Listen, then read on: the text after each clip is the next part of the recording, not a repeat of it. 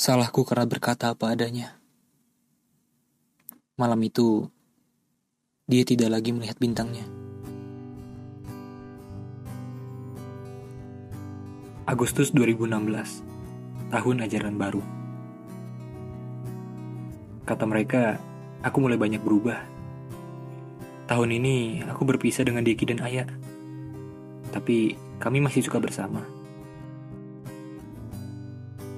Di tim jurnalis, aku mendapat beberapa anggota baru.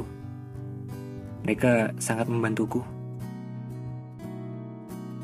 Oke, teman-teman, uh, walaupun kita baru terbentuknya nih, tapi kita memang harus kerja cepat. Bulan ini kita harus rancang rubrik untuk majalah terbaru. Uh, terus September nanti tuh bakal banyak banget kegiatan, jadi ya kita siap-siap aja. Kak, katanya ulang tahun sekolah September juga. Nah iya, tanggal 26 September itu ada ulang tahun sekolah. Biasanya ada pensi gitu sih, nanti kita siapin tim liputan juga. Aku teringat momen tahun lalu. Saat itu, Rania bernyanyi dengan sangat indah. Aku tidak sabar melihatnya lagi. Aku sempat terpikir sebuah ide untuk membuat profil tentang Rania. Karena dia adalah juara pensinya tahun lalu.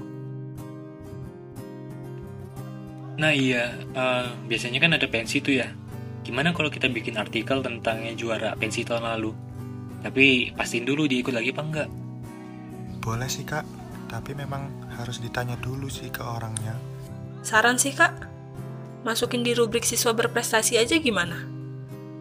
Ya biar liputannya ya khusus untuk full acara aja. Iya setuju gitu sih kak. Sekalian aja nanti foto majalahnya pakai foto dia. Oke, setuju ya semuanya. Jadi yang tadi kita masukin ke daftar rubrik dulu. Nanti Suci atau siapa yang temuin si Rania di kelas 11 IPA 1. Pastiin aja tanggalnya. Kalau bisa sih pas pensi aja biar gak ribet ya. Sama masalah timnya nanti kita bentuk deh. Ide ini ternyata disetujui oleh mereka semua. Akhirnya, aku punya kesempatan untuk bicara dengan Rania. Karena terlalu senang, aku jadi senyum-senyum sendiri. Aku malu kalau mereka melihatku seperti ini. Yes. Eh, sorry, sorry. Aduh, ngeliat ya.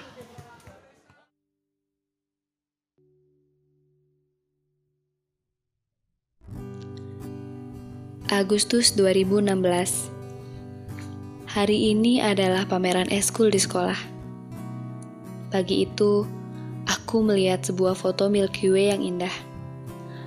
Aku suka melihatnya. Sejak kecil, ayah juga sering mengajakku untuk melihat bintang-bintang di tempatnya bekerja. Tapi, foto ini seperti memiliki emosi. Rasanya sungguh hangat ketika melihatnya lebih lama. Jo, kamu jadi daftar klub astronomi. Jadi, Koci. Ya udah, kamu mau ke sana dulu ya. Setelah mendaftar dan melihat-lihat, aku ingin segera bertemu dengan Suci. Saat itu, aku melihatnya. Iya, dia yang sedang berbicara dengan Suci. Dia terasa begitu percaya. Padahal saat itu dia tidak sedang berbicara padaku. Tapi aku merasakan senyumannya yang hangat. Aku penasaran, siapa dia? Ci, itu kamu daftar apa? Tim jurnalis dong. Hmm, itu kakak siapa, Ci? Oh, itu kami Firmawan. Oh. Ayo, kenapa? Eh, enggak, enggak. Hari ini, Suci ada rapat dengan tim jurnalis. Aku biasa pulang dengan Suci, jadi, aku menunggunya di depan ruangan mereka. Aku berharap bisa melihatnya lebih dekat. Aku terkejut ketika tiba-tiba dia muncul di balik pintu. Yes. Eh, sorry, sorry. Aduh, ngeliat ya? Kenapa, Kak? Uh, enggak kok, nggak apa-apa. Eh, temannya Suci kan? Masuk aja, tunggu di dalam. Eh, nggak apa-apa kok kami kok di sini aja nunggunya.